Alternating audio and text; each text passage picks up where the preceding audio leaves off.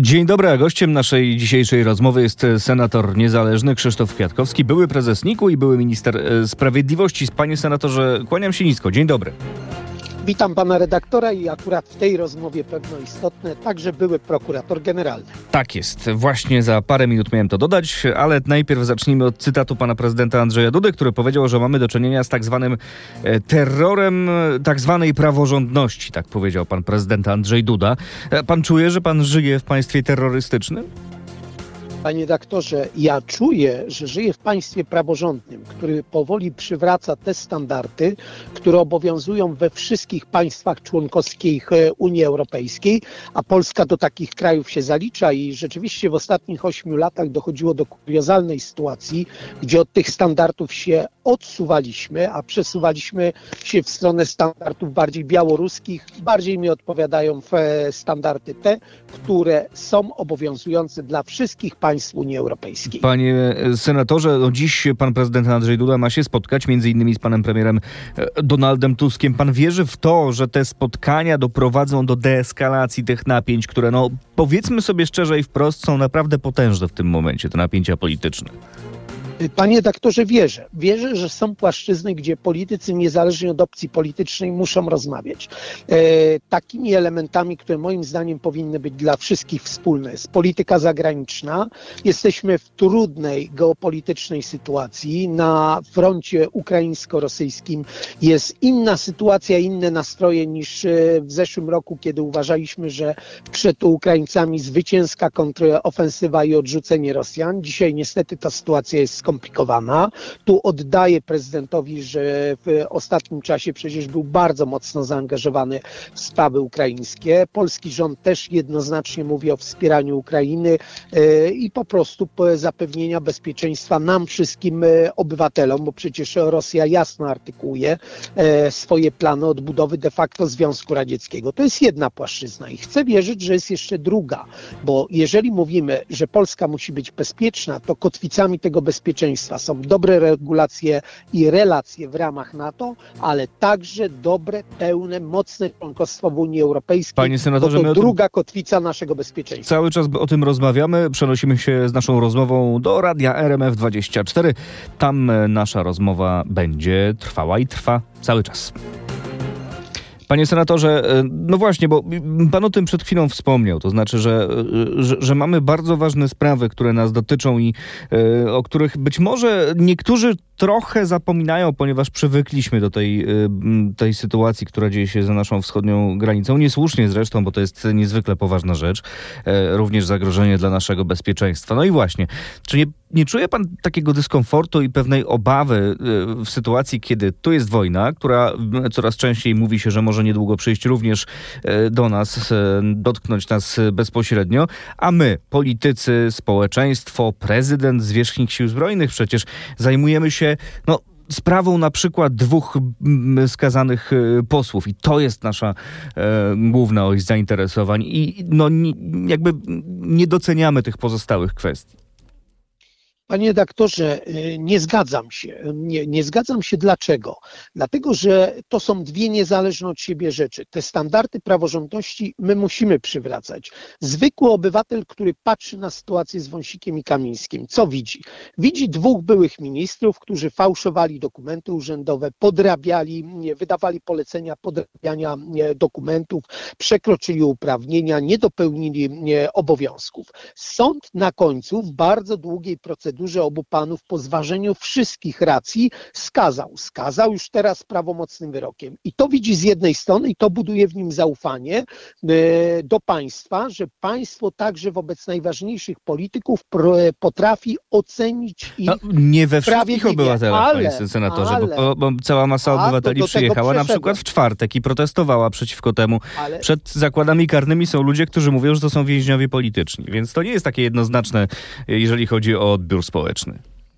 Panie doktorze, nie każdy polityk, który siedzi w więzieniu, jest więźniem politycznym. I to, co mnie bardziej martwi, nawet nie to, że są ludzie, którzy uważają, e, że oni nie powinni siedzieć w więzieniu. Mają prawo do tych poglądów, ale są także najważniejsze osoby w państwie, w tym prezydent, który doskonale zna przepisy prawa, zna akt oskarżenia i zna później wyrok sądu wraz z uzasadnieniem. To, co ja w krótkich punktach powiedziałem. Wie, że panowie Wąsik i Kamiński to nie są kryształy do e, naśladowania.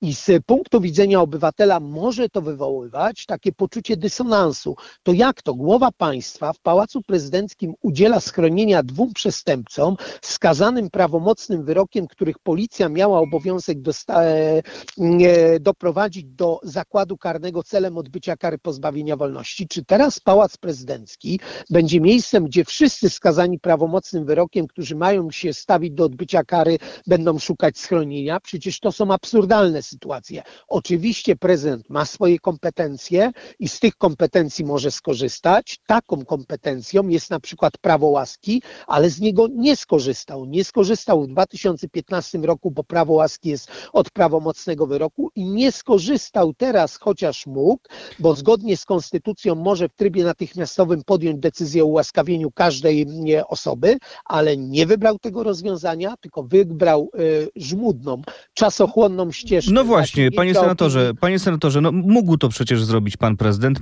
Sam pan mówi, wielu y, prawników podkreśla, że teraz to byłoby rzeczywiście możliwe i zgodne z konstytucją. To jak pan myśli, dlaczego pan prezydent się na to nie zdecydował? Przecież to jest takie proste, jedna decyzja, jeden podpis. Moim zdaniem e, to nie jest tak, że pan prezydent e, traktuje pana Kamińskiego i Wąsika jako kryształy i e, szlachetne wzory do naśladowania. Niestety traktuje ich jako pewne figury polityczne i nie chce ich teraz ułaskawić. Moim zdaniem chce doprowadzić do tego, żeby mocą decyzji, decyzji ministra sprawiedliwości mieli przerwę w odbywaniu kary. Dlaczego? Po to, żeby móc twierdzić, że tak naprawdę prawo łaski jest ważne ważne to z 2015 roku, bo on by teraz nie wydał w ogóle tego aktu. Cały czas by mówił, że analizuje, że się zastanawia, a po co? Po to, żeby mówić, że ta decyzja z 2015 roku jest ważna.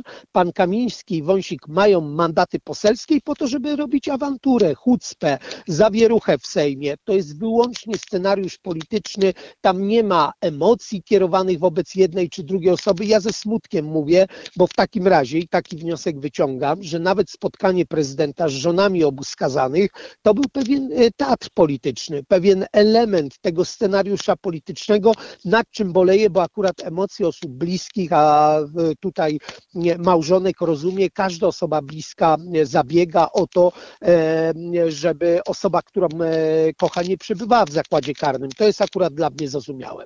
Na tej politycznej scenie stoi też pana następca. Nie bezpośredni oczywiście, oczywiście, ale, ale następca, prokurator generalny i minister sprawiedliwości Adam Bodnar. E, co pana zdaniem pan minister Bodnar powinien też teraz zrobić? Co pan by jemu doradzał? To znaczy, no rzeczywiście jest w takiej sytuacji, że prezydent przerzucił na niego niejako odpowiedzialność za tę y, sprawę. Pan by oczekiwał takiego jednoznacznego stanowiska, nie takiego, jak słyszeliśmy przed weekendem, że analizujemy, zastanawiamy się, podejmiemy decyzję w odpowiednim czasie, tylko odpowiedzi. Tak, zwalniamy y, z, z, z zakładów karnych na czas procedury, albo nie, nie robimy tego. Panie doktorze, to ta procedura jest całkiem inaczej opisana.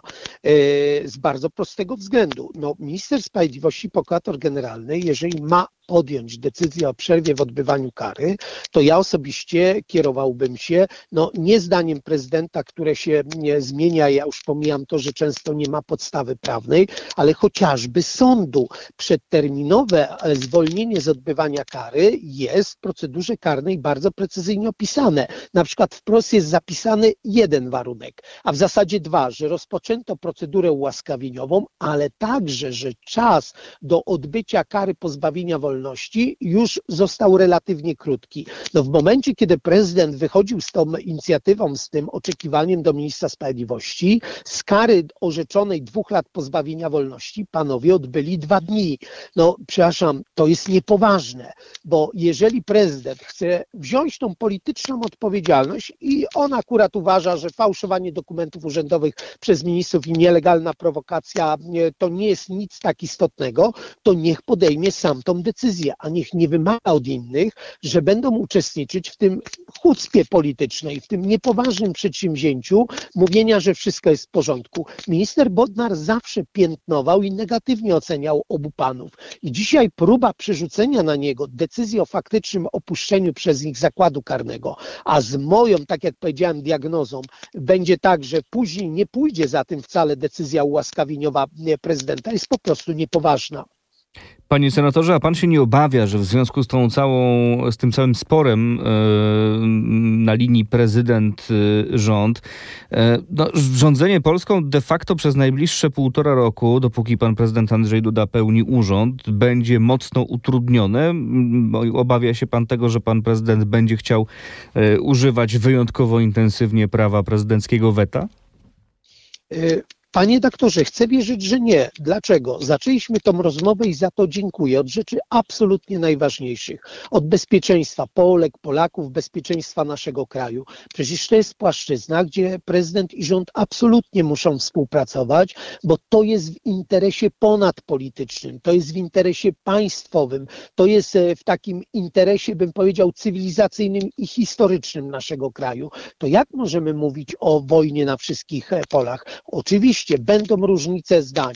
Ta strona sceny politycznej nie będzie mówić o panu Kamińskim i Wąsiku kryształy, także z tego względu, że pamiętamy, co w ostatnich latach robili. Ja jako prezes nik ujawniłem nielegalny zakup nielegalnego systemu do inwigilacji Pegasus, gdzie on trafił do CBA, do służby, którą panowie Kamiński i Wąsik nadzorowali. Ja mam obawy, że oni się wcale nie zmienili. Wtedy uciekali się do nielegalnej prowokacji i w ostatnich ośmiu latach za chwilę się dowiemy, co robili jako ministrowie nadzorujący służby i obawiam się, że to będzie kolejna lista e, wstydu. Tak, komisja do spraw wyjaśnienia y, afery Pegasusa jeszcze przed nami tak naprawdę, ale to rzeczywiście może przykuwać mocno naszą uwagę. Y, ale Panie zakup senatorze... Pegasusa z, ze złamaniem przepisów prawa jest y, udokumentowany tak, i to już Sam ten to... raport ogłaszałem. Więcej rząd PiSu y, się do tego przyznał, bo Rzecznik Dyscypliny Finansów Publicznych umorzył postępowanie wobec panów, którzy podejmowali tą decyzję o zakupie niezgodnie z przepisami prawa z uwagi na znikomą społeczną szkodliwość. Okazało się, że system inwigilujący obywateli zakupiony za kilkadziesiąt milionów złotych to e, znikoma, e, e, to bym powiedział, mało istotny fakt, także w wymiarze finansowym ocenianym przez rzecznika. No tak, no tak. A jeszcze jest to oczywiście kwestia tego, jak ten system był używany i to w szczegółach. Myślę, że wiele osób na to czeka. Panie senatorze, pan powiedział o różnych możliwych wyjściach z tej sytuacji. Czy takim wyjściem z tej sytuacji, z tego pata, no, który może jeszcze przed nami, no bo oczywiście nie wiemy, jak się do końca zachowa pan prezydent, Y, byłyby przyspieszone wybory. No Aleksander Kwaśniewski mówi o tym jako o wyjściu z sytuacji. Zebrać tyle głosów, żeby odrzucić prezydenckie weto. To warte ryzyka? To jest gra warta świeczki? Y, panie redaktorze, tu mamy dwie rzeczy. Przyspieszone wybory, oczywiście one się zawsze mogą odbyć, ale zgodnie z przepisami prawa. Ścieżką do przyspieszonych wyborów na pewno nie jest jakieś kombinowanie z budżetem, jeżeli on będzie przyjęty w tym terminie czterech miesięcy, a będzie. E, my mamy wszystko to rozpisane w Senacie, także czekamy, jak tylko dokument do nas trafi. Za to, jeżeli Prawo i Sprawiedliwość złoży wniosek o samo rozwiązanie Sejmu, on wymaga poparcia bodaj 309 posłów, to tak, uważam, że e, obecna koalicja 15 października powinna to również rozważyć z uwagi na to, jakie dzisiaj mamy zachowanie prezydenta, bo ja przepraszam, mam wrażenie, że prezydent dokonuje obstrukcji funkcjonowania instytucji państwa i mówię to bardzo wyważonym językiem, ale jednocześnie absolutnie ze smutkiem, bo to jest bardzo głęboki zarzut zarzut wobec prezydenta. Prezydent tak nie może działać. I jeżeli efektem wyborów, a najnowsze sondaże wskazują, że taki może być efekt wyborów, będzie większość, która umożliwi odrzucanie weta prezydenta, to zaczynam mieć przekonanie, że byłoby to z korzyścią dla obywateli i dla funkcjonowania instytucji państwa. No ciekawe, panie senatorze, rzeczywiście, jakby to się rozwiązało. E, no, pytanie jest, czy oczywiście w tej sytuacji, e, biorąc pod uwagę to wszystko, o czym mówiliśmy wcześniej, o bezpieczeństwo państwa i tak dalej, czy te, czy te przyspieszone wybory znowu nie oznaczałyby tego, że te kwestie ważne dla naszego bezpieczeństwa by się odsuwały? To znaczy, no, e, ciężko byłoby wtedy mówić o takim sprawnym funkcjonowaniu rządu na tych wszystkich polach, jeżeli byłby zajęty no, tym, że za chwilę trzeba przeprowadzić nowe wybory i je, i je wygrać, prawda? Prawda? Ale to, że mnie pan dobrze zrozumiał. Ja nie jestem ich zwolennikiem. Ja uważam, że nawet bym powiedział tak gorszące sytuacje, jak się w ostatnich e, dniach zdarzały z uśmiechniętym panem Kamińskim i Wąsikiem ściganym przez policję, którzy się schronili w Pałacu Prezydenckim, to nie jest podstawa do wyborów. My obywatelom powinniśmy zapewniać spokój i rozwiązywanie ich problemów. Ale jeżeli PiS wystąpi z takim wnioskiem, tak, należy go rozważyć. Jeżeli nie, odpowiedzialnością rządzących, którzy dostali bardzo silny mandat na podstawie e, bardzo mocnego poparcia, ponad 4, e, około 4 milionów głosów więcej na e, partie tworzące rząd w stosunku do Prawa i Sprawiedliwości, to jest mandat do pracy, a nie do zabawy z ponownymi wyborami. Ale oczywiście będziemy także obserwować, co będą robić inne środowiska polityczne. Panie senatorze, to jeszcze na koniec chciałem zapytać tylko o, o sprawę, y, która no, pojawia się dzisiaj, pewnie będzie dzisiaj kontynuowana. Czy tryb, w jakim pan minister Bodnar, y, wiem, że słowo odwołał tutaj jest nieprecyzyjne, ale go użyję, odwołał prokuratora krajowego, y, nie budzi pana sprzeciwu? Czy rzeczywiście tak to powinno wyglądać? Czy może trzeba było dać sobie więcej czasu, wypracować rozwiązanie mniej kontrowersyjne i takie, które nie będzie budziło aż takiego oporu? Panie redaktorze, y, pan minister Bodnar nie mógł działać, on musiał.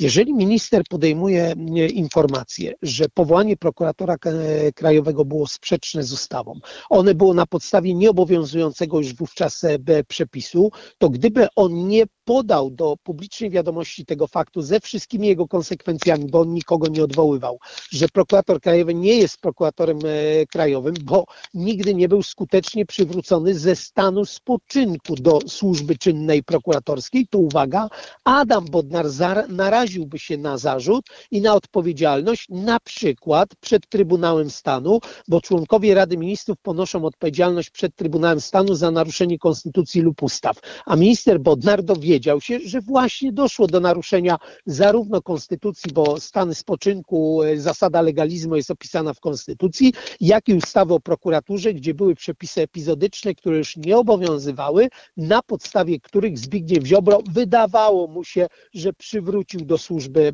czynnej prokuratora Barskiego. Podsumowując, minister Bodnar nie miał w tym e, przypadku żadnego pola manewru, podjął jedyne działania, które mógł w tej sytuacji podjąć. Krzysztof Kwiatkowski, senator niezależny, były prezes Najwyższej Izby Kontroli, minister sprawiedliwości i prokurator generalny również był dzisiaj moim i Państwa gościem. Panie senatorze, bardzo Panu dziękuję za tę rozmowę. Dziękuję i spokoju życzę naszym radiosłuchaczom. Dziękuję serdecznie. Dobrego.